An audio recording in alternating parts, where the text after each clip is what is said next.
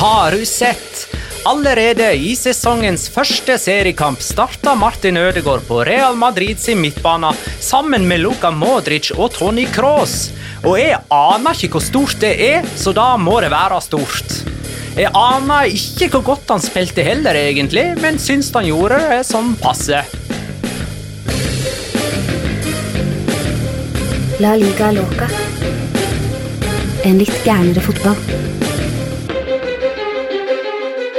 Ja, ja, ja, ja, ja. Dette er La Liga Loca episode 131 av det ordinære slaget med Petter Wæland, hei. Hallo. Jonas Giæver, hei. Shalom in the home. Og Magnar Kvalvik, hei. Hei, Magnar. Halla, Magnar. Hei.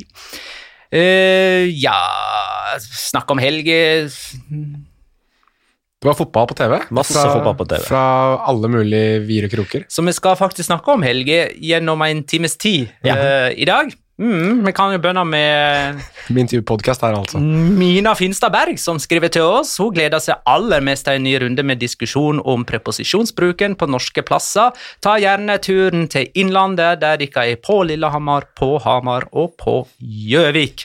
Dette er jo kjente norske øyer i det gamle Oppland og Hedmark. Har du vært der, du, eller Petter? Ja, jeg var der faktisk rett etter istida. Da var det faktisk øyer. Så, så det, er Det ligger rett ved Øyeren, faktisk. Har du sendt brev til kommunestyret i Spideberg?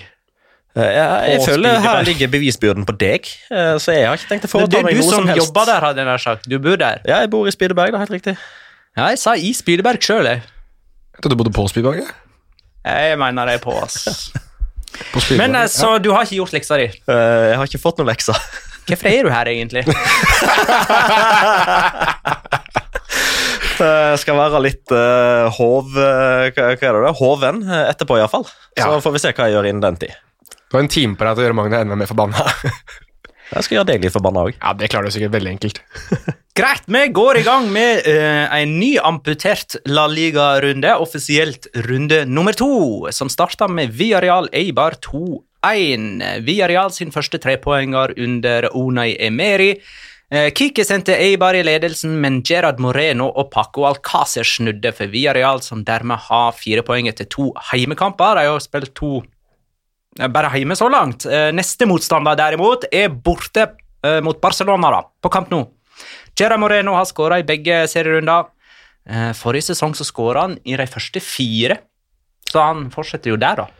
Han gjorde det. Han skåra jo ganske mye på slutten av forrige sesong òg, så han eh, ligger jo eh, godt eh, på skjemaet nå til å bli Sarra nok en gang. Mestskårende spanjol. Men uh, bare sånn i det hele tatt, da. En veldig generell betraktning, og det er jo pga. at Barcelona og Atletico Madrid og Sevilla først og fremst ikke har spilt en eneste kamp ennå, men det er veldig stor prosentandel av skåringene i de første to serierundene som er skåra av spanjoler. Ja, Det kommer jo av den faktoren du nevnte først. her da, at Så å si alle har vel Nesten alle, i hvert fall, har uh, sine mest markante målskårere med fødested og uh, oppvekst i da Iberia, og da den større delen av Iberia, ikke Portugal, altså Spania. Um, da blir det gjerne sånn, Petter, at det, da blir det de som også troner på toppen av skåringslista den tid f.eks. Lionel Messi ikke har spilt fotball ennå. Det er helt riktig, det. Getafe Osasuna 1-0. Eh, Dette var Getafe sin første kamp for sesongen, og det er første gang på elleve år at de vinner sin seriepremiere.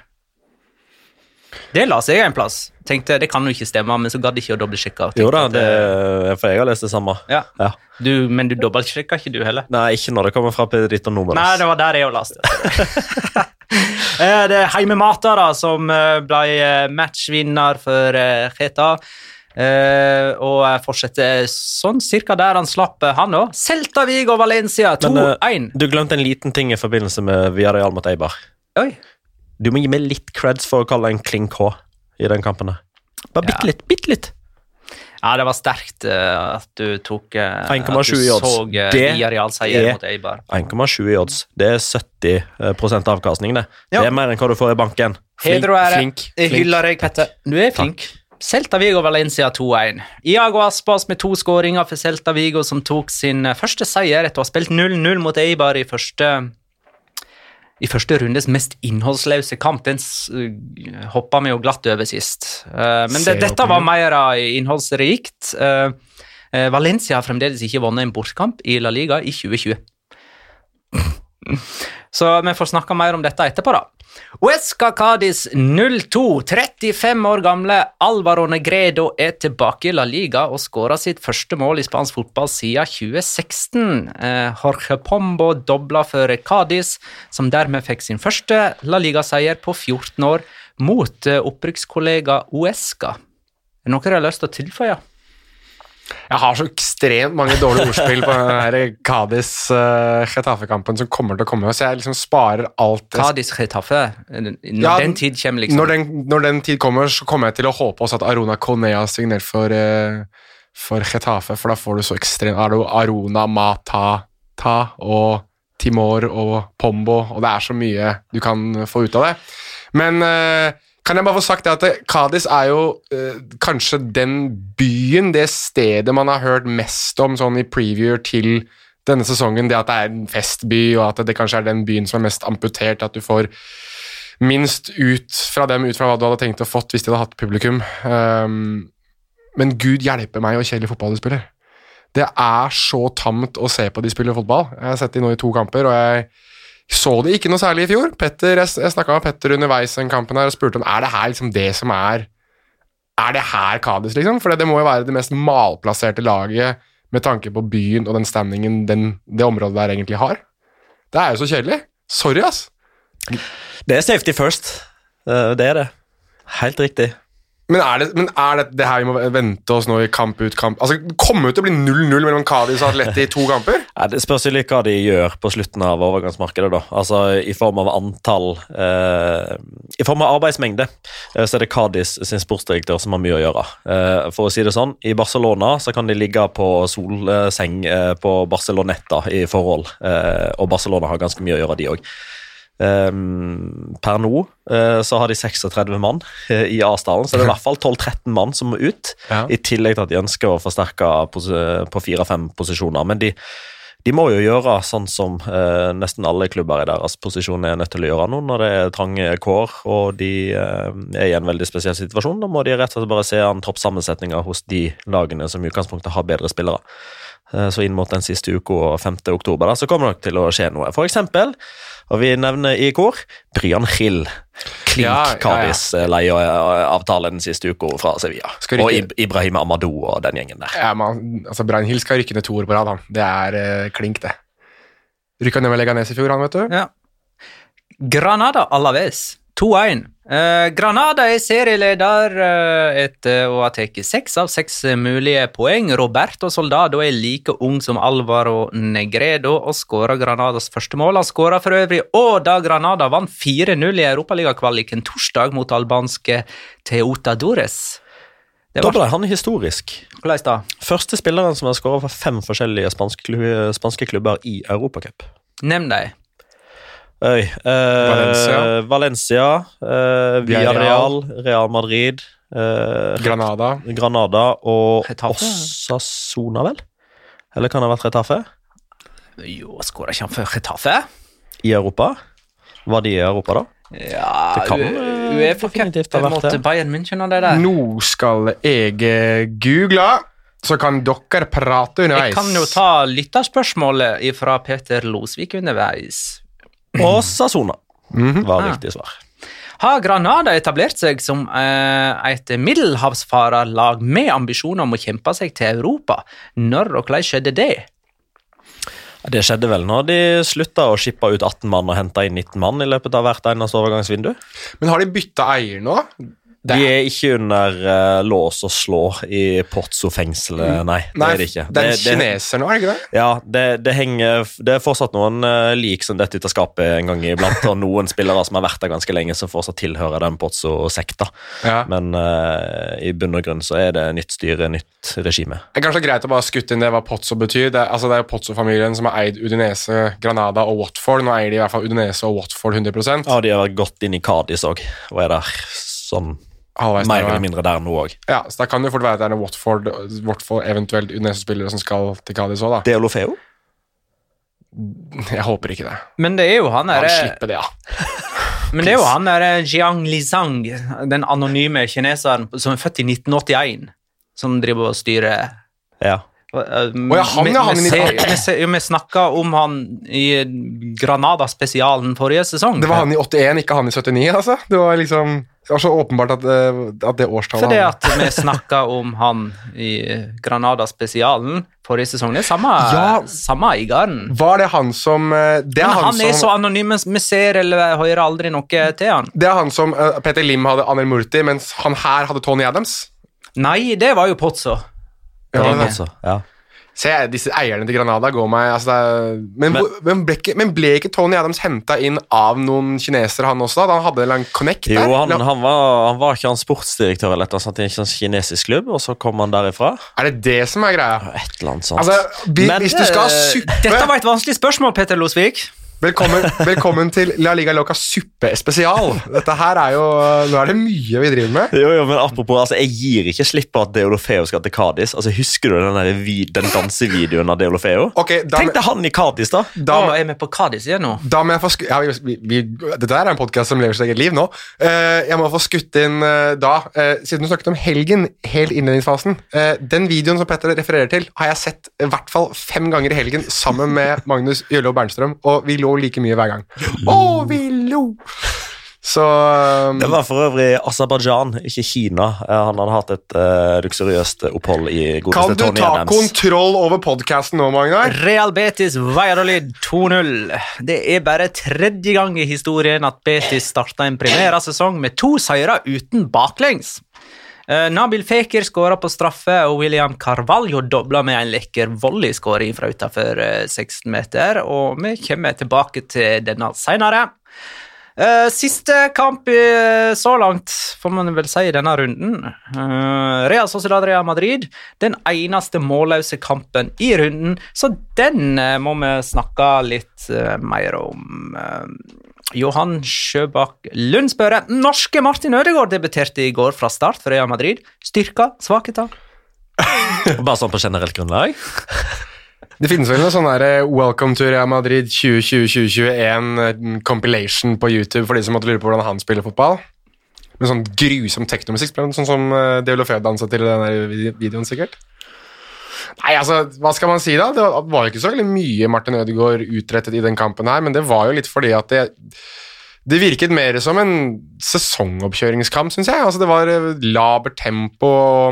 Nå har jeg lært meg at dette begrepet betyr litt forskjellige ting basert på hvor i landet du er, men for meg så rangerer jeg dette som type Hawaii-fotball. Altså, det var to lag som ikke fikk noen ting til å stemme sånn på generelle grunnlag. Altså, det var ikke noen sånn gigantiske ting som foregikk i opp, det oppgjøret her, syns jeg. Hawaii-fotball for meg, da er det fram og tilbake. Da er det en sånn er høyeksplosiv kamp. Da Ja, det er sånn kaotisk. Ja. Er det det for dere? Hawaii for meg er liksom det er rolig, liksom Det er Det er Hawaii. interessant. Ja. Ja. Det er, kokoskamp er det du skal Det er det vi hadde kalt det du snakker om, Petter. Kokoskamp. Ja. Da er det sånn fram og tilbake. Leeds mot Liverpool, for eksempel. Der Ja. har du typisk kokoskamp. Andreas Svae spør kunne Ødegaard fått mer ut av seg sjøl i første serierunde hvis han hadde spilt indreløper. Det kunne virka som hele Real Madrid-laget ikke var vant til å ha en spiller rett bak Benzema.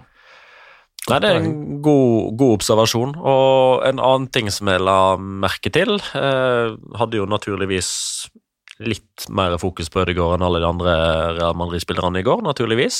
Eh, det var at jeg syns Selvfølgelig sett i etterpåklokskapens lys, men jeg syns det å ha han i rolla rett bak Benzema litt for ofte gjorde at han ble feilvendt.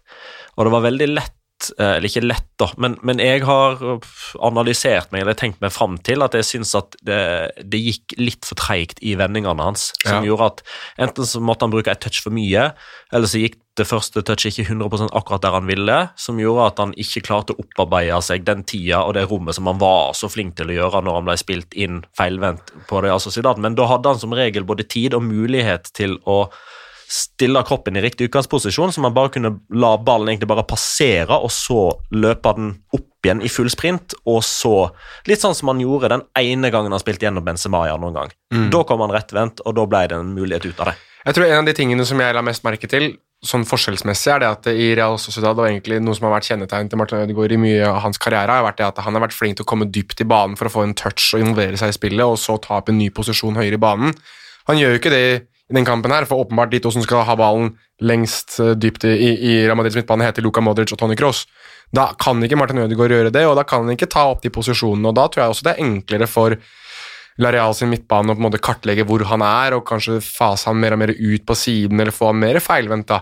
Og da får ikke Ødegaard det der fantastiske utgangspunktet han har, som er det at han tar opp så gode posisjoner og kan spille ballen videre på én touch, to touch, sånn som han er en mester på. Og så vil jeg jo òg tro at eh, akkurat uh, Altså, anledningen i går tror jeg ikke spilte Ødegård uh, noe bedre, for å være helt ærlig. Eh, jeg tror det at han starta på bortebane mot Real Sociedad, det gjorde liksom Det gjorde historien litt ekstra spissa og litt kulere at det var liksom mot klubben som han hadde slått gjennom for i fjor, men jeg tror det egentlig det hemmer nok eh, han litt mer enn hva det ga han positive ting. Eh, litt på bakgrunn av at det, eh, jeg kan jo bare forsøke å sette meg inn i en situasjon, for jeg har aldri vært i den situasjonen og kommer aldri til å være i den situasjonen heller, men jeg vil jo tro at det har vært en, en tankesmia oppi hodet, noen prosesser som har gått for Martin Ødegaard, når han da får beskjed noen timer før kampen at han skal starte. Eh, det i seg sjøl gir jo en ekstra belastning mentalt, som kan være både utmattende og kan gjøre at han fjerner fokus fra arbeidsoppgaver, selv om Martin Ødegaard i utgangspunktet er en mentalt sterk person. Eh, og I tillegg til det, eh, og i tillegg til alt presset som, eh, som i utgangspunktet er der med å spille for Real Madrid, som han bare må venne seg til, eh, så er det òg et faktum at han da spiller mot det laget i La Liga som desidert kjenner han best. Og det tror jeg ikke var til en fordel for, eh, for Martin Ødegaard. Ja, det, det siste er jeg enig i. Første er jeg uenig. Jeg tror ikke det hadde spilt noe særlig rolle om det hadde vært der eller José Soria eller Anoet, nei, ikke Anoet eller eh, La Ceramica, eller hvor det nå enn måtte være.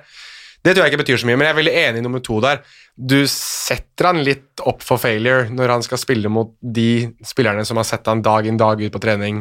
Hvis han hadde vært innbytter i den kampen, så tror jeg han kunne kommet til å gjort en forskjell, for han, da vet han jo også at det, ok, Miquel Merino kommer ikke til å gjøre sånn fordi han blir sliten, eh, og så videre. Det kommer til å være rom der. Han hadde kanskje kunnet lese kampbildet litt mer, men når du skal inn, og i tillegg, da, så vet du jo ikke helt hvordan det kneet hans er. Er det så bra? Altså, jeg syns det er noe av det rareste, sånn, eh, eh, med tanke på hvordan det har blitt rapportert og nyheter og sånn. Man har snakket om det kneet hans som om det er, dette er karriereendene. Altså, nå, nå kan det være at han eh, kommer til å ha et eller annet imot seg resten av karrieren pga. det kneet osv. Men så starter han første serierunde for Real Madrid. Jeg, jeg Jonas. Lindgren også spør om det er hva Erika tror om kneet til Martin Ødegaard etter gårsdagens eh, opptreden. Han mener det fortsatt ser ut som eh, det preger Ødegaard en del, av, og det har jeg sett i nyhetssaker òg i, Ja, i dag i norske medier. Men altså har ikke Real Madrid sitt team kontroll på det Det, der. Ja, det, er nettopp det, det er nettopp det jeg tenker, og, og vi, vi, vi kan ikke jeg håper si, Vi kan ikke gjøre jeg håper si, Martin Ødegaard den fallitterklæringa at hver gang han spiller dårlig, så skal vi skylde på kneet. Ja, altså når han spiller bra, så og da, I dag hadde han ikke vondt i kneet, det var lett å se. Det, det går ikke an. Eh, altså, det er ikke noe sånn at eh, Martin Ødegaard har slitt med jumpers 9 gjennom hele sommeren og, eh, og ikke trent for fullt, og så spiller han plutselig første seriekamp uten å være 100% altså, Det er Real Madrid vi snakker om her. De deler ikke ut benytter eh, gratis her. Nei, det er det som er poenget mitt. Så hva, Ja, er, det, så hva er det kneet hans da? Altså, er hva, jeg, jeg vet helt oppriktig talt veldig lite om Jumpers 9, og de tingene jeg leser om Jumpers 9, det eskalerer fra at det er dette her er karrieretruende til det er så Det er liksom som slatters, på en måte. Og jeg har hatt slatters i kneet mitt. Det er voksesmerter i knærne. Som du kommer til å Altså, du har litt kneproblemer kanskje resten av livet ditt, at du kjenner litt i knærne innimellom. Men det, liksom, det, det varierer mellom de to, da, alt fra hva man leser, og da vet jeg ikke Men som Petter påpeker, hvis han, sp han spiller for Real Madrid, liksom, og han er ikke, det er ikke sånn at han er verdens beste spiller, og at du må få ham på banen koste hva det koste vil. Så jeg Nei, sånn var det jo litt i Real Sociedad. eh, Nettopp. Frykta vi, og vi brukte det jo sågar som en, eh, en årsakssammenheng til at man at det var bra at han skulle spille for Real Madrid kommende sesong, for da fikk man dosert minuttene, og da, da er han ikke en klubb som bruker han selv om han er 90% Så her må vi jo bare strekke armene i været og si at er det noen som har kontroll på dette her, så er det jo det medisinske apparatet til Real Madrid. Hvis de mener han er 100% da er han 100% og da kan man ikke bruke det kneet som som en unnskyldning hver gang han spiller dårlig. Men eh, hvor ofte bruker egentlig Zinedine Zidane eh, en spiller i en sånn rolle? Har ikke, er ikke det egentlig en omvendt V? Her var det jo eh, altså, her var det en omvendt V, ikke sant? med tre mann på midtbanen der den midterste er framskyvd. Mens er ikke det vanligvis tre mann på midtbanen med den midterste bakerst? Jo, det pleier å være Casemiro den dype. Eh, og noen ganger når det er Kroos og Modric som, eh, som starter som sentralen midtbaneduo, så er det veldig ofte Valverde som har vært den som har starta i stedet for Casemiro. Men da var han, eh, i hvert fall sånn som jeg husker tilbake, igjen, veldig ofte trukket ut mot høyre, har vært en form for høyre midtbane. Så har bare Mendy eller Marcelo, avhengig av hvem som har spilt, vært litt mer offensiv på venstrebekken. Så det er egentlig jeg skal på ingen måte si at det er en helt ny rolle som er skapt i Real Madrid nå, men eh, jeg tror Zidane prøvde noe eh, som han ikke har prøvd på før.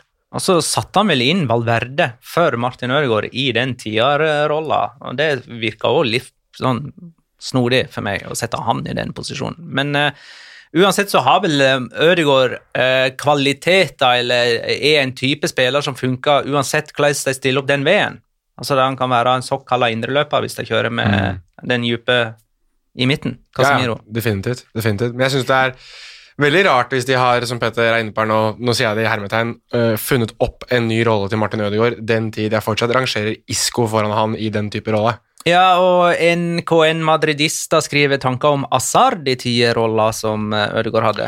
Han har, han har jo spilt den Jeg bare får skutt inn det. Han har jo spilt, spilte jo den i Chelsea. Det var jo der han virkelig begynte å vise seg som hva han fikk den frie rollen, hva han kunne bevege seg rundt omkring. Og det gjorde han jo i et par av de bedre kampene han spilte for Real Madrid. Så hadde han jo en fri rolle der han kanskje startet på venstre og endte opp sentralt. Så det blir jo, hvis du skal liksom Hvis du skal bruke den aller beste spilleren de har da, i den rollen, så er jo det Eden Hazard. Altså, Både for, for Real Madrid sitt beste og for Azad sitt beste, så må Eden Azad spille i den rollen som gjør at han må løpe minst. Er det noen roller som gjør at han kan spise burger og fry samtidig som han spiller? Eh, vi må vel nevne at Zinedine Zidane ikke brukte verken Luka Jovic eller Borja Majoral, men heller satte inn på debutanter som Marvin Park og Sergio Arribas. Bare noen dager etter at han skippa bort James Rodriguez og Gareth Bale. Mm. Tenk det, vi er, vi, Han har jo lovt Nei, vet styre og stell at uh, han skal bruke mer av ungdommer denne sesongen, siden og han holder ord i første serierunde i alle fall. Han brukte jo ikke alle byttene sine engang. Vet du hva, jeg må få skutt inn, Magne. Dette her er en landmark-podcast. Du vet det? Dette her er en merkedag i denne podcastens eh, historie. Bare si podkast. Ja. Vær så god, kikker over, da. Ikke ødelegg dette her nå. Nei, dette her er viktig. Dette er en merkedag. Dette er første podcasten vi spiller inn der Gareth Bale ikke lenger er i Real Madrid. Jeg calla det sommer etter sommer etter sommer. Jeg måtte jo treffe til slutt. Gareth Bale er ikke Real Madrid-spiller denne, sommeren, eh, denne sesongen, sesongen her. Nostradamus. Jonas Radamus. Ja, altså, en stoppet klokka rett to ganger i døgnet. Altså. Det er, uh, dette her er eh, Tenk det, Magnar. Vi er fortsatt på Real Sociedad Real Madrid. Skal vi snakke litt om heimelaget? Og Geir Halvor Kleiva skriver hvordan var det å ha godeste David Silva tilbake? Deilig. Han, ja. Det er deilig, men eh, litt overraskende hvor stressa han virka i spill. Altså, eller Han fikk jo denne ganske store sjansen. E- Egentlig så var han kanskje Han burde ha vært mer stressa, når jeg tenker meg om. For han brukte for mye tid på eh, å komme til avslutning i den. Er ikke han nettopp ferdig med covid-19, da? Jo, Så det kan jo være at uh, nå, Ingen av oss har jo hatt det, eller uh, jeg kjenner i hvert fall ingen som har hatt det, som kan fortelle meg noe veldig om hvordan det har fungert, men det kan jo være at du er litt bakpå etter det. Jeg vet ikke. Jeg vet ikke. Jeg har ingen idé om hvordan covid-19 påvirker. Ja, Det var- litt overraskende å se Real Sociedad gå litt på akkord med seg sjøl og, og spille såpass defensivt orientert som de gjorde vanligvis gjennom hele sesongen. Uansett hvem de møtte, så gikk det ganske aggressivt ut. Eh, Men her eh, Det var nesten som parkere bussen. Og så når de hadde kontringsmuligheter, så var de ganske sløve da, syns jeg. Er det Here's hoping for uh, Real Sociedad sin del at Adiz Elustondo blir den stopperkjempen som de sårt trenger. Han ser jo bra ut nå. Ja, gjør det. han gjør det. Jeg synes det var gøy hvis du sier at de var defensive, så var det jo én som var aggressiv, da. Og det var Ander Baranechea. Han skulle vel strengt tatt vært han skulle vært i dusjen! Det var overtenning i hundre og helvete. Der ble det eksplisitt i dag òg. Men uh, de, de, de, de lir jo fortsatt av eh, covid-19-rammelser, så vi har jo ennå ikke sett deres beste elver eh, og deres beste spillere i eh, 100 eh, men de har altså bare én heimeseier på de sju kampene de har spilt uten publikum. Det er ganske sprøtt. Mm. Um, ja, men da har vi sagt det vi skulle si om disse. Ja, det er vel ikke noe mer å hvis vi, på, hvis vi er på Real Madrid, hvis du har lyst til å snakke litt mer om dem Jeg vet ikke om du har, om du har en overgangsbolk? jeg. Jo, vi kan snakke om overgang etterpå, hvis det er det du har lyst til. Den er god. Eh, bare lurte på å si at dette her ble 0-0, da. Eh, og jeg kom fram til at eh, det er så få mål. Eh, det var to skåringer per kamp i snitt denne runden her, og Pedrito Numero skrev på Twitter at det var etter at eh, fotballen starta opp igjen for tomme tribuner, så har det blitt skåra 2,33 mål per kamp i La Liga, og det er ganske mange runder som har blitt spilt eh, siden det. og jeg tenkte, Er det noen som har en god forklaring på hvorfor det er så lite mål i Spania nå?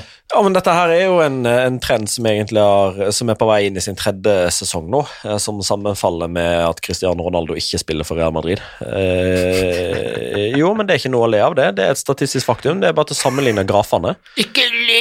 Fra 2008 og 2009 så var det jevn stigning. Godt over 1000 mål hver eneste sesong. Så forsvant Cristiano Ronaldo under 1000. Enda mer under 1000 forrige sesong, og ligger an til skjema til langt under 1000 denne sesongen. Og hvis, når Lionel Messi er ferdig, så kommer jo målsnittet ned på én skåring per kamp i Spania. I hvert fall hvis eh, men, men altså Det Cristiano Ronaldo-sporet der er jo bare et statistisk faktum. Eh, det jeg kan forsøke å underbygge det litt eh, mer med, er jo noe vi har vært litt inne på i den podkasten tidligere, med at det jo er en myte at denne spanske fotballen liksom alltid er så fjongende flott, og at det er tiki taka og sånn. Det er jo egentlig bare eh, Hva skal Spansk si? fotball stinker, det er det du prøver å si. Nei, det er overhodet ikke det jeg sier, men det er en grunn til at eh, det spanske man det altså. eh, fotballandslaget har La Furia Roja som eh, sitt kallenavn. Spansk fotball sånn opp av dage er jo eh, basert på å være fysisk sterke og taktisk skolerte. Og, og så har vi blitt på mange måter eh, satt i bind for øynene av Barcelona og Real Madrid fra 2009 til 2018 ish. Eh, men, men det som er eh, det faktum, da, når jeg ser navnene til de 20 personene som i størst grad bestemmer hva slags type fotball som spilles i Spania, så er det Og jeg skal ikke si at det er nødvendigvis negativt på generelt grunnlag, men for skåringssnittet så er det negativt at det er så mange som er defensivt orienterte. Gaisca Garitano i Atletic er defensivt orientert. Det samme er Diego Simione i Atletico Madrid. Alvaro Cervera i Cádiz har vi allerede snakka om. Der er det safety first. Han har ikke vært på benken ennå. Nei, pga. korona. José Luis Mendelibar har jeg eh, akka og okka meg av eh, tidligere, for den eh, spillestilen han står på, som kun er pumping og innlegg.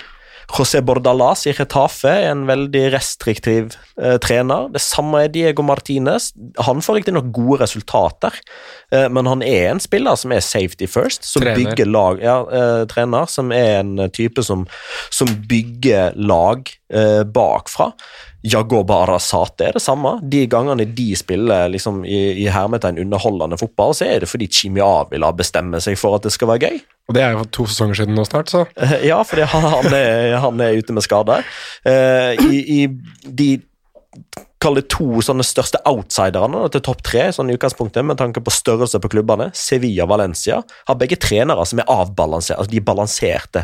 De er opptatt av at de skal ha balanse, både på, på, på lagoppstilling med, med de taktiske grepene, eh, på hvor mange de kommer med i angrep. Altså Julian Lopetegu og Havi Gracia er ikke noen sånne eh, feinschmeckere som eh, Bielsa, Seman-type. Ja, da må du slenge på Una Emery også. Og det var han jeg skulle komme til nå, som er liksom sjette største klubben Ja. i, i så måte. Og uh, Valladolid-trener Sergio Gonzales. Da får han 1-1, så tar han seg en uh, jokke etter kampen, og da er jeg fornøyd med det. Godt poeng. Altså, det, det er så få offensive trenerprofiler nå. Altså, Vi kan godt mene at Zinedine Zidane i utgangspunktet er det, fordi det er det vi liksom, Med en gang vi hører navnet Zidane, så tenker vi på volleyskåringer, vi tenker på overstegsfinter og finesse og eleganse og sånn. Altså, men han har òg begynt å fokusere mest på det defensive. Det er iallfall det han får til. Det er godt poeng. Det var derfor Real Madrid vant serien forrige sesong, fordi de var gode defensive. Og nå ser vi jo også da, Imanol Alguacil begynner òg å fokusere litt mer på ok, kanskje vi har eh, større mulighet til å eh, bli topp fem denne sesongen, hvis vi strammer inn bakover. Og da går det på bekostning av det offensive. Det kan være en ny trend i emning. La oss bare se på defensiven til Valencia, som uh, tapte på Balaidos. Kan ikke noen ansette Paco Gemes? Alle skulle si så får du opp målsnittet. Valencia, kanskje? Eh, 2-1 altså til Celta Vigo over Valencia. Sverre Enic skriver Valencia og forsvar, eventuelt mangel på forsvar. Er Jonas oppgitt eller resignert? Nei, det er mer resignert, tror jeg. Uh, men jeg må strengt tatt si at jeg synes Altså, nå skal det jo strengt tatt sies at man forventet jo dommedag og skjærsild og kakkelovn på hele klubben. Jeg synes de to kampene de har spilt, så har de sett har hatt veldig gode perioder i begge kampene, der jeg synes de på ingen måte har gjort seg bort. Men, Men, tenker du offensivt, eller? ja. Men, jeg, men jeg mener jo det at du må, det de må gjøre, er jo at de må prøve å ligge mest mulig offensivt, slik at de kan bare maskere vekk det der helvete som er bak der. Men eh, typisk Valencia, og i kjent Valencia-stil, så blir det jo ikke noe Altså, Morillo har jo gått til Celta istedenfor, uh, fordi de klarte å bruke altfor lang tid, så da sa jo han til slutt at eh, nei, men da må jeg bare ta det tilbudet som er, og det var fra Celta. Så de har jo rustet opp enda mer, da, og ser jo egentlig rimelig, i hvert fall på, på, på papiret, veldig komplett ut, mens ja, hvem var han der stopperen som Valencia spilte med? Jeg hadde ikke fått med meg navnet hans i det hele tatt, jeg. Han eh, Eller ble han bytta inn? Diakabi, eller? Nei, han har vi hørt, han har vi snakka mye om. Nei, gode Åh, nå kom jeg ikke på Han som kom inn, Ja, var det ikke det? Guillamon. Nei, Giamon. Spilte ikke de med Gabriel Paulista og uh, Diakabino? Jo, og nå er Det jo- Gabriel skada igjen. Nei, sorry, jeg tenker på, jeg tenker på Escardo. Han uh, Jo, spiller han- lenger fram i Sentralt banen, midt. selvfølgelig. Men uh, vet du hvem som hadde flest uh, Eller hvilket lag som hadde flest avslutninger i første serierunde? Skal du til Valencia nå, Nei, ja, Det var Levante. Hvem spilte Levante mot? Det var jo Valencia, da. Ja, jeg Vet du hva for et lag som hadde flest avslutninger i andre serierunde? Ja, Men nå har Celta Jago Aspas som skyter på alt, da. Ja, men Celta Vigo hadde Jago Aspas i første serierunde òg, og da skjøt de seks ganger. Mot Valencia så skjøt de 23. Ok.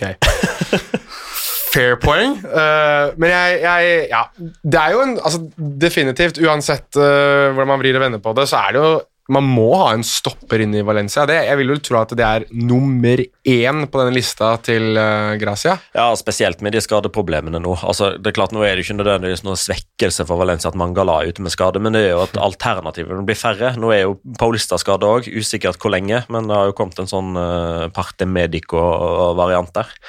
Jeg så jo for øvrig òg at uh, Nå husker jeg ikke navnet på han, uh, ei heller nødvendigvis hva slags rolle han har, men det var jo en som, som hadde et intervju, videointervju på Valencias hjemmeside og Twitter, som forklarte eh, dette her med overganger og penger. Og, altså, han lovte jo at det kom nye spillere inn. Er det han derre Lim, han nye Lim? Det er jo enda en Lim som nå har kommet inn.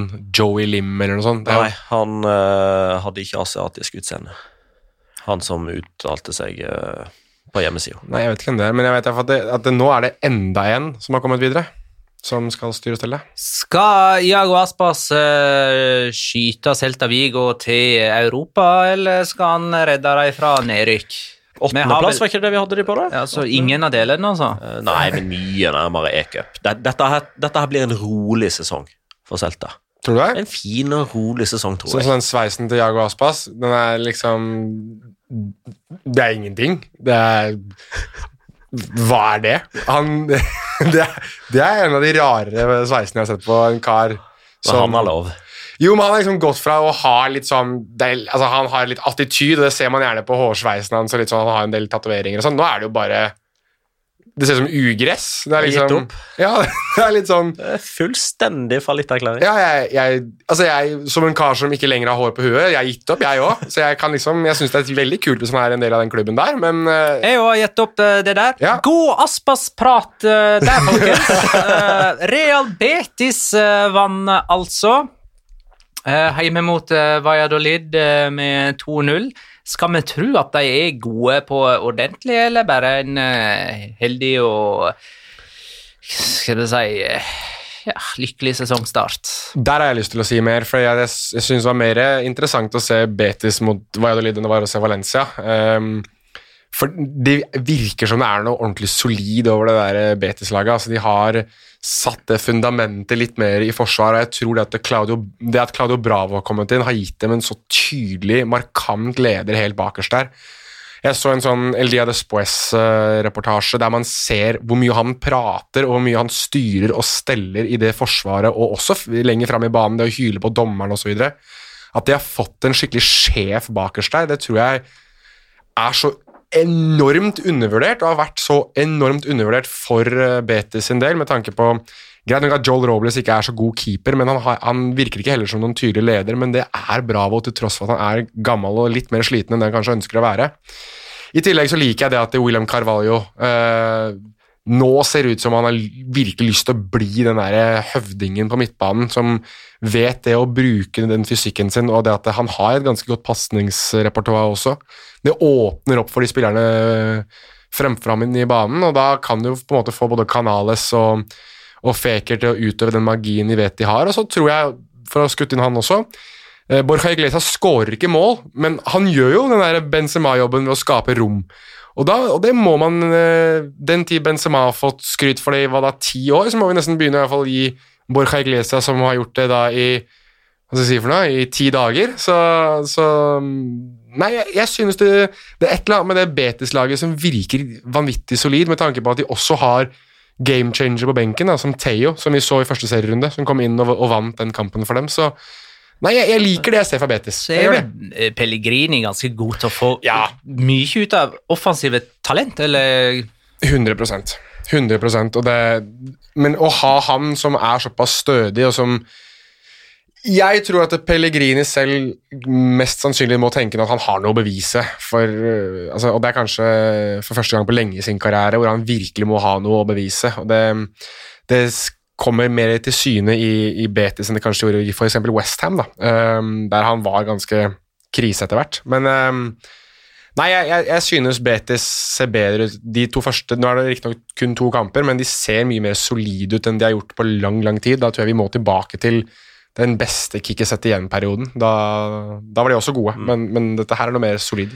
Ja, Det er vanskelig ikke å stille seg bak de ordene til, eh, til Jonas. Det ser, det ser bra ut. Uh, og vi var jo positive på deres vegne sammenlignet med de foregående sesongene. Uh, men så må vi jo òg si, påpeke det åpenbare her, da. Alaves borte var jo Lid hjemme. Ja, ja. Det er liksom Men det, Ja. men, det, men det er kamper de ville slitt med tidligere. Absolutt. Men uh, til helga får jeg besøk av Real Madrid. Det gjør de. Men jeg tror de vinner den kampen. Det, ok, du har tippa det. Og det er det tippekampen eh, vår? Det er det tippekampen. vår. Ja, jeg tror, de, jeg tror de vinner den uh, kampen. Yes. Nei, men så spennende da, Jonas. Du kan ombestemme deg altså når vi er etterpå. Ja, men jeg, jeg har jo For her kunne du være cocky uten å egentlig ha noe å tappe på deg. Ok, ja, men jeg, har, jeg har for vane å drite meg ut i stippekonkurransen uansett, så Eh, jeg skylder deg vel masse greier, gjør jeg ikke det? Vi er egentlig ferdig med å snakke om, uh, om denne runden. Uh, skal vi like godt ta runden spiller, da? Det kan vi gjøre. Ja. Uh, Da har vi altså gjort det sånn at vi lanserer hver vår nominerte til å bli kåra til rundens spiller, og så rangerer vi de tre i en sånn på en pall. Og vi begynner med nummer tre. Og den har jeg fått! Den har du fått. Um, er du født før eller etter 29. mai? Jeg er født før det. Så det betyr at uh, Nei, søren òg, da er han ikke eldre enn deg. Så vidt ikke eldre enn deg, for du er født i 79, ikke du det? Mhm. Det er min mann òg. Alberto Cifuentes. Uh, og eh, jeg skal ærlig innrømme det at uh, han var nok ikke den tredje beste spilleren denne runden, eller den nest beste, eller den beste, men han får min nominasjon. Han, han holder nullen, og litt som du er inne på, Så han er keeper? Han er keeper uh, for Cardis, og han er 41 år gammel, og, og ble uh, i realiteten da, sånn egentlig den eldste debutanten i La Liga noensinne. Vi har et Han der er Harry Lowe-fyren, borgerkrig på 30-tallet, eller hva det er for noe. Han teller ikke. Det var en sånn unntakstilstand. Så han er På den grunn av krigen? Uh, ja, så det, det var noe eh, greier der uh, som gjorde at Det at, det at han debuterte som spillende trener som 43-åring, eller hva det var for noe, han hadde egentlig ikke lisens, og det, det er bare fjas. Bare fjas. Vi er sterke på faktapresentasjoner i dag. Alberto Cifuentes er bank i bordet, den eldste debutanten i La Liga noensinne, og han holdt nullen. Og som du var inne på, Jonas, Claudio Bravo og den, den betydninga han hadde for Betis. eh, jeg tror ikke det er tilfeldig at eh, Cádiz klarer å holde, holde nullen i en kamp der Uesca hadde ballen 72 eller 73% av tida. Utrolig flink til å styre forsvaret og hadde en fantastisk redning på eh, skuddet fra Jeg lurer på om det var Joaquin Muñoz. Nei, Pedro Mosqueda var det. Uansett, Var det redning, da? Eh, det ble jo ikke scoring, så vi fikk aldri svar på det. Ja. Mm, Nummer to. Nabil Fekir. Ai, ai, ai. Eh, Favorittspilleren til Jonas er nummer to. Ja, men jeg har sagt uh, mange ganger at jeg syns Nabil Fekir er, har uh, et, et snitt som er helt enestående, og som gjør han når han vil og er i humør og har lagkamerater som spiller han i posisjonen han ønsker, at ønsker å bli spilt opp i, så er han en av Europas aller, aller beste i sin posisjon. Og det kommer mer til syne i kamper som dette, når uh, Borja Iglesias beveger seg så han får rom, og han eh, kombinerer fint med Canales, og det er eh, rett og slett veldig, veldig god stemning. og jeg, jeg eh, er, altså jeg, jeg- kjenner at jeg blir veldig veldig glad over at det er Manuel Pellegrini som skal trene det laget, for jeg tror han kan få så mye spennende og gøy ut av Nabil Feker. Og selv om Han ikke, han skårer jo ett mål her da, og, og, og egentlig gjør vei i vellinga, så føler jeg ikke at han får alt ut av den kampen her heller, som gjør at jeg gleder meg enda mer til å se han resten av sesongen. Men hvis dette er en sånn form for standard han setter seg, så kommer han til å være inne på denne kategorien her mange mange ganger. Og runden spiller er Iago Aspas, som er for Celta Vigo, det Lionel Messi er for Barcelona, og kanskje vel så det, faktisk. Eh, han har berga klubben fra nedrykk mange ganger, og var selvfølgelig mannen som sikra tre poeng mot Valencia med to mål. Det ene på frispark, og det er kanskje litt undervurdert kvalitet ved han. Dette var det sjuende målet på frispark for, Celta nei, for Jago Aspas. Ja, Så du den Mr. Chip-statistikken på prosentandelen? Nei, fortell. Han eh, er den i La Liga nå som har høyest prosentandel av frisparkene sine som ender i mål. Totalt eh, så lurer jeg på om det er oppe og nikker på 21 altså én av fem. Eh, han har tatt 30 s- Nå tar jeg dette fri fra hukommelsen, ikke så veldig mye unna. Eh, han har tatt 36 frispark i La Liga, skårer på sju av de. Han bomma på de 20 første. Så det vil si at når han først begynte å treffe, så har han ca. 50 eh, hit rate på frispark. Og Forrige sesong så skåra han jo med et lågt frispark rundt muren mot Barcelona, mens denne gangen så var det over muren og klink i krysset, så han viser jo et repertoar på det med frisparket. Og, og noe sier meg at han kommer til å havne på pallen vår en del ganger denne sesongen. for Det er så, det er så hyppig at han er den utvilsomt banas beste når eh, Celta Vigo er i aksjon. Så gratulerer til han. Eh, og du vet, når vi ikke kjører den her musikalske dikt eh, kåringen av spiller, så hviler heller ingen forbannelse over deg. Det, det er det du har bestemt, ja? Ja, ok, fordi jeg har jo Jeg utnevnte jo bare Chimi Avila til den spilleren som skulle blende oss Ja, mest. det, kanskje det er du som har tatt over, det var vel det du Ja, sa? Det det, er det du som som er ja. den uh... Så døde jo det andre kneet hans dagen etterpå. Ja. Uh, nei, men uh, nå må vi snakke litt om det som skal komme. For det at uh, til helga er jo endelig Atletico Madrid, Sevilla og Barcelona med igjen. Og, og ikke minst Elche skal òg i aksjon for første gang. Barcelona tar imot Villarreal på eh, kamp nå. Hvor, godt forberedt kan vi forvente at Barcelona er, eh, nå som det er fullstendig eh, åpne porter ut den klubben. Vidal har reist til Inter, Semedo til Wolves. Suárez ser faktisk ut til å være klar for Atletico eh, Madrid, eller i alle fall nærme seg Ja, eh, hvem hadde vel trodd? Hvem hadde vel trodd det? Abrahamsen skriver Luis Suárez nærmer seg Atletico Madrid. Vennligst gi Petter en smittevennlig high five for å være verdens første til å spå den overgangen. Petter, i lufta. Sånn. Når var det du spådde den overgangen, egentlig? Det, det var i en podkast for noen eh, uker tilbake igjen, eh, når vi snakka om hvem som skulle plukke opp hansken etter bl.a. Joao Felix, eller når de skulle begynne å levere for Dio sine Costa. Jo, men eh, grunnen til at vi kom inn på det, var spørsmålet eh, hvordan blir andre sesongene til Azar Ja, ja, Grismann, ja, ja, Joao Felix. Ja, stemmer. Eh, og så eh, var det jo du som gjerne ville at vi skulle komme med tips til eh, hvem som eh, kunne være den perfekte nieren Ja. til Atletico Madrid. Eh, og vi måtte jo presisere både én og to ganger at dette var ikke kødd. Alexander Sørloth enn i Leipzig.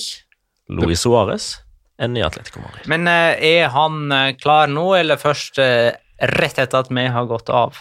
Og, det kan, Rett, etter vi går ut. Sannsynligvis uh, i det øyeblikk folk hører på dette. og jeg, da vil jeg bare få skutt inn hvem det er som skal ut i eh, Atletico Madrid. Um, fordi, mine venner um, Det er jo verdens beste spiss, da. Uh, Alvaro Morata, som alle mente at uh, skulle være så inn i helvetes god for det laget der uh, etter hvert i løpet av noen sesonger, da han virkelig skulle vise at han var Spanias nummer ni, og den stjernespissen man har ventet på i Atletico Madrid.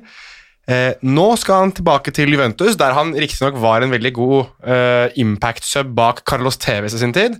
Eh, kanskje han blir bedre nå, eh, under Andrea Pirlo, hans tidligere lagkamerat. Eh, men han forlater Atletico Madrid nærmere Nikola Kalinic enn Radamel Falcao, og det Det kommer jeg aldri til å la dere glemme. Jens Olav Strand skriver kommer Suárez til å være nærmere Falcao enn Kalinic. Jeg tror han kommer til å være mer David Villa. Ja, og eh, en av de tingene som jeg tenkte på i bilen på vei innover eh, Da er det ofte mye rart som eh, foregår oppe i toppetasjen hos Veiland. Men David Villa, Ja. hva skjedde da han gikk fra Barca til Ja, ja, jeg, jeg, jeg, jeg sier ikke mer. De vant ligaen. De vant ligaen. Jeg, Jeg, jeg, det, sier det det, sa du. Det sa du. jeg sier det til de lytterne som ikke vet. jeg bare sier uh, David Villa, hva skjedde? De som vet, de vet. Og de som vet, vet også at i 13-14-sesongen, da David Villa spilte i Atletico Madrid, så vant Atletico Madrid ligaen. Nå vet alle. Men uh, hva er det egentlig med han Alvaro Morata? Altså, fire sesonger i Real Madrid. To i Juventus, en ny i Real Madrid, halvannen i Chelsea, halvannen i Atletico, og klar for Juventus igjen. Selv om han er så Ja, si det. jeg, jeg, Jo, jeg vet at du overdriver litt for å gjøre et poeng ut av det, Ja men han, han, han, han har jo ei rekke med klubber og en CV her Som er som er bedre enn de faktiske prestasjonene. Vi- Sam, samtidig underveis i den perioden her så har han vært spans spansk landslagsspiss. Ja, men kan vi, kan vi ikke bare være såpass ærlige uten at jeg skal kødde med det? Jeg har gjort et poeng ut av å kødde med det og overdrive fordi det har vært gøy å høre på. Men han er, han er middelmådig som spiss, altså med tanke på det sjiktet han skal ligge på. Hvis han skulle vært en backup i alle disse klubbene her, så er jeg helt enig i at det er helt greit. Men det vil han jo være av Juve. Da vil han jo spille annen fiolin.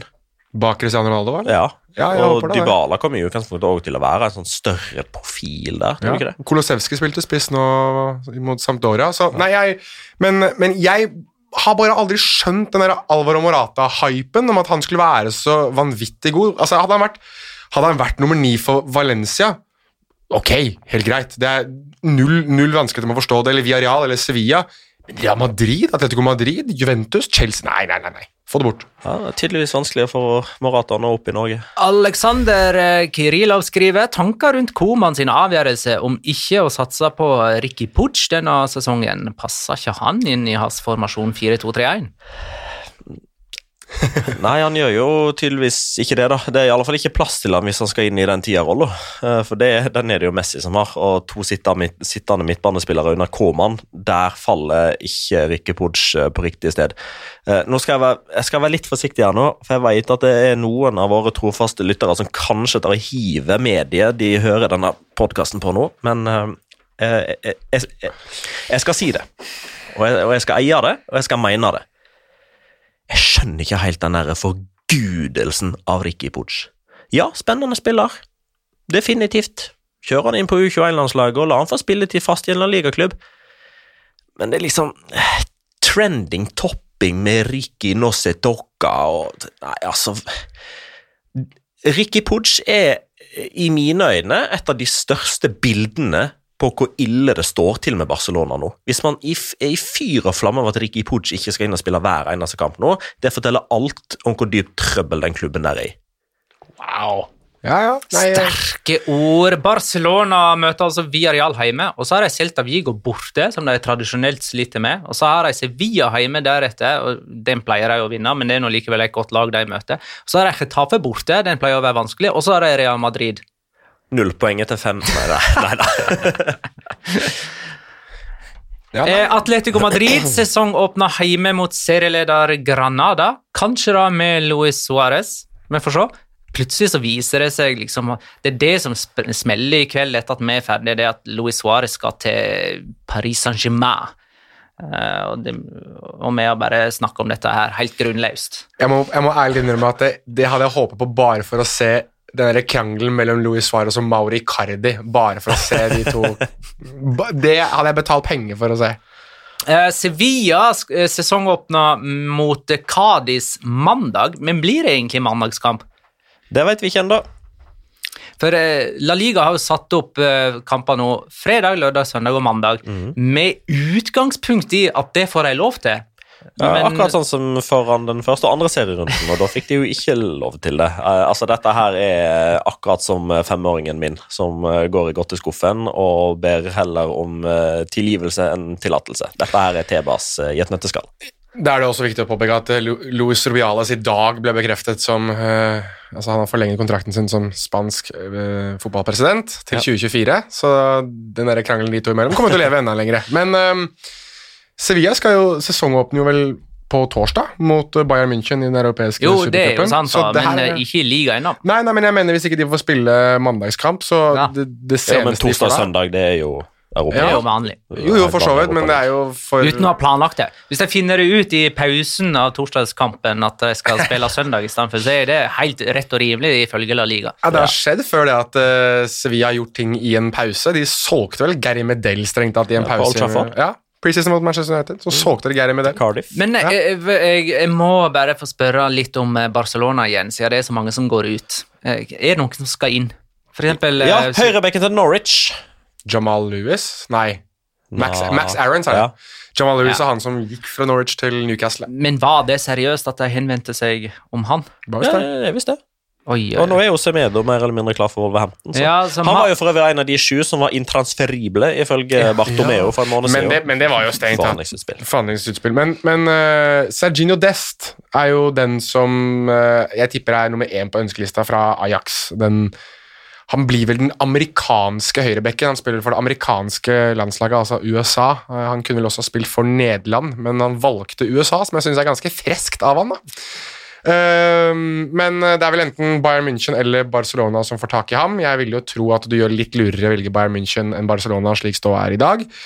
Men eh, hvis ikke det blir han, så kan det fort være at det er denne Max Aarons da, fra Norwich, som i sin tid også var koblet til Liverpool. Så da har altså Mats Veksel faktisk fått svar på spørsmålet om hvem eh, Barcelona skal hente som erstatter for Semedo. Ja. Tenk at de klarte å svare på et spørsmål, da. Og så kommer det òg info nå fra Victor Navarro, som har vokst på meg som Barcelona-kilde. Uh, Ricky Pudge har nå eh, gått inn i klubblokalene sammen med sin far for å avgjøre framtida. Ah, ok. Eh, Dette får jo sikkert ikke Ricky Puig-elskerne med seg, for de har sikkert slått av episoden allerede. Eh, men la meg, la meg bare presisere at jeg håper at han blir, at han får spille mye. Eh, det er liksom bare hele greia der med at eh, ja, Ja. At det skal være så ille, da! Det er tid for Locora! Ukens La Liga Locura. Locura. Locura. Locura. La Liga Locura. Jeg kan begynne, jeg. Uh, jeg begynner med Paco Alcácer sine to mest interessante involveringer for Villarreal mot Eibar. I første omgang så får han en pasning fra en medspiller og er plutselig helt alene med keeper på fem meter, men skyter nonsjalant og uinteressert rett på keeper, antagelig for at han tror han er i offside, uten å vite at bak han så har en Eibar-spiller akkurat vært ute av banen og er på vei inn igjen, og det virker som om det ikke går opp for Alcázer etterpå heller at han var onside og nettopp har sløsa vekk en gigantsjanse. Og så når han så skåra i andre omgang, gjør han det med den mest talentløse rundingen av keeper jeg kan eh, minnes. Eh, Det virker som om han ved et uhell er borti ballen med den ene foten og sparker han inn i den andre, og ved hell får ballen forbi keeper, som selvfølgelig ikke kan forutse den latterlige manøveren der.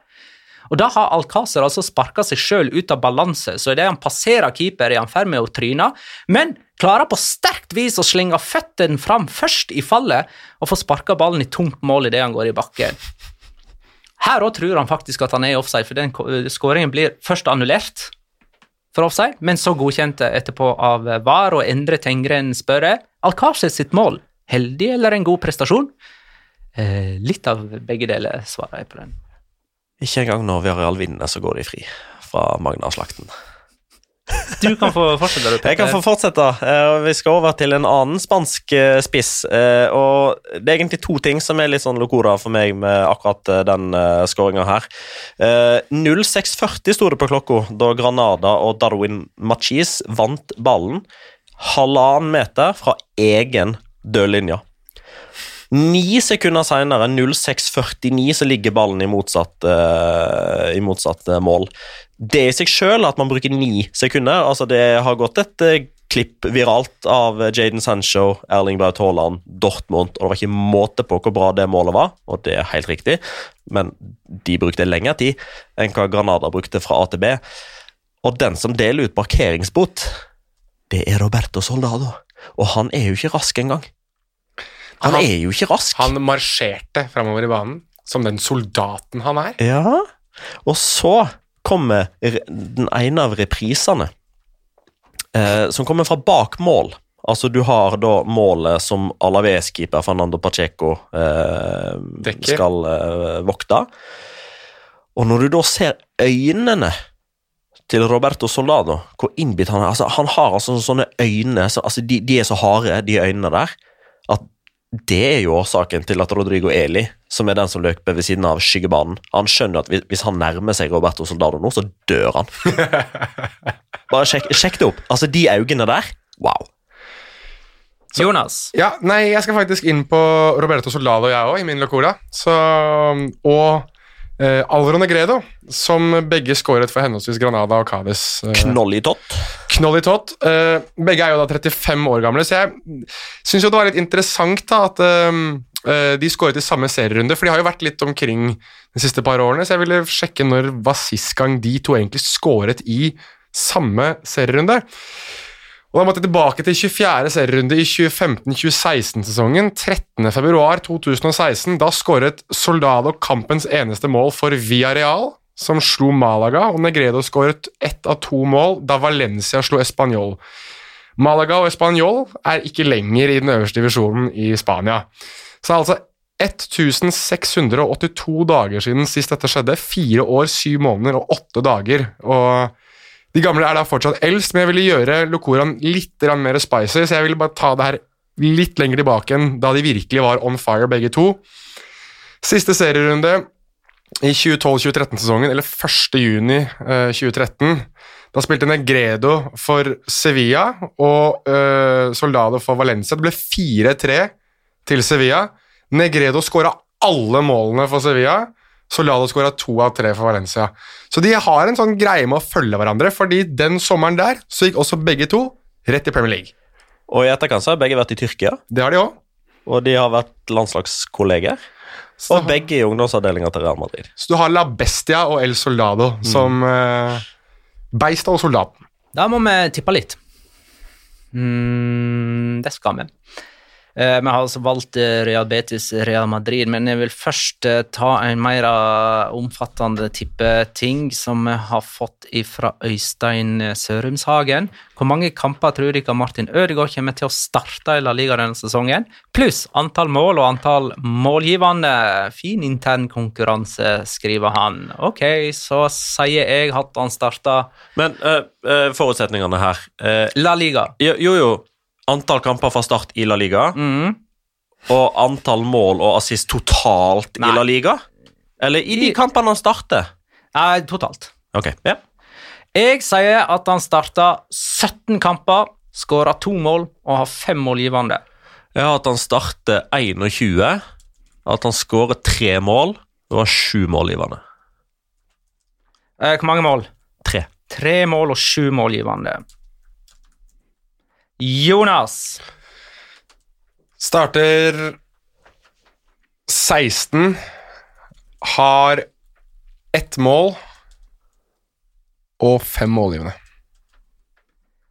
Ja, nesten helt likt med meg der, altså. Men nesten skyter ingen mann av hesten, Magna Kvalvik. Forrige kamp vi tippa på var Real Sociedad Real Madrid, som endte 0-0. Alle trodde det skulle bli mål, og at Real Madrid skulle vinne. Petter hadde 0-2, jeg og Jonas hadde 1-2. Eh, alle har null poeng, eh, får null poeng der, da. Petter står med sine to poeng. Jeg og Jonas har ett poeng. Eh, alle de poengene kapra vi etter den første serierunden. Og nå er det Real Betis Real Madrid. Lørdag klokka 21.00. Petter. 0-1 Benzema. Er siste Jonas. Ødegaard der, eller? Jeg tror ikke han spiller den kampen. Ok. Jonas.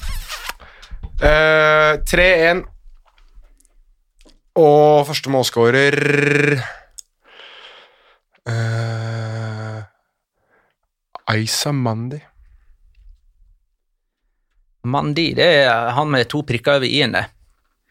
Ja, en omlaut, vel, som det heter på tysk. I fornavnet, ja. Det er Aisa, ja. Det er ikke i etternavnet han har de to prikkene. Aisa. Uh, jeg har 1-2 og Nabil Fekir som første målskårer. Uh, og det tror jeg eh, Skulle du si noe om overganger for Real Madrid? Bare sånn, uh, Hadde du lyst til å si noe om det? Ja, jeg synes det var litt interessant å se at eh, Edinson Cavani plutselig ble nevnt som en potensiell eh, signering for, eh, for Real Madrid den tid de mangler en backup etter Benzema. Fordi, backup! Fordi, fordi Luka Jovic tydeligvis ikke lever lenger. Så da er, det, da er det Edinson Cavani som kobles inn, og det kan gå visstnok hvis han senker kravene sine litt grann på lønning, er det som visstnok Marka rapporterte like før vi gikk inn i studio her. Så det hadde jo vært litt gøy da, hvis du da får den derre hovedstadsduellen mellom Luis Suárez og Edinson Cavani, altså to uruguayanere på hver sin ende av Madrid som skal prøve å skyte lagene opp på tabellen. Så det her håper jeg på at El Matador og El Pistolero møtes til hva blir det for noe? Duell at high noon når eh, Real Madrid og Atletico Madrid eh, spiller to ganger i La Liga denne sesongen. Ok. Da takker jeg for alle spørsmål og innspill til denne episoden. Tusen takk for at du lytta, kjære lytter. Ha det, da!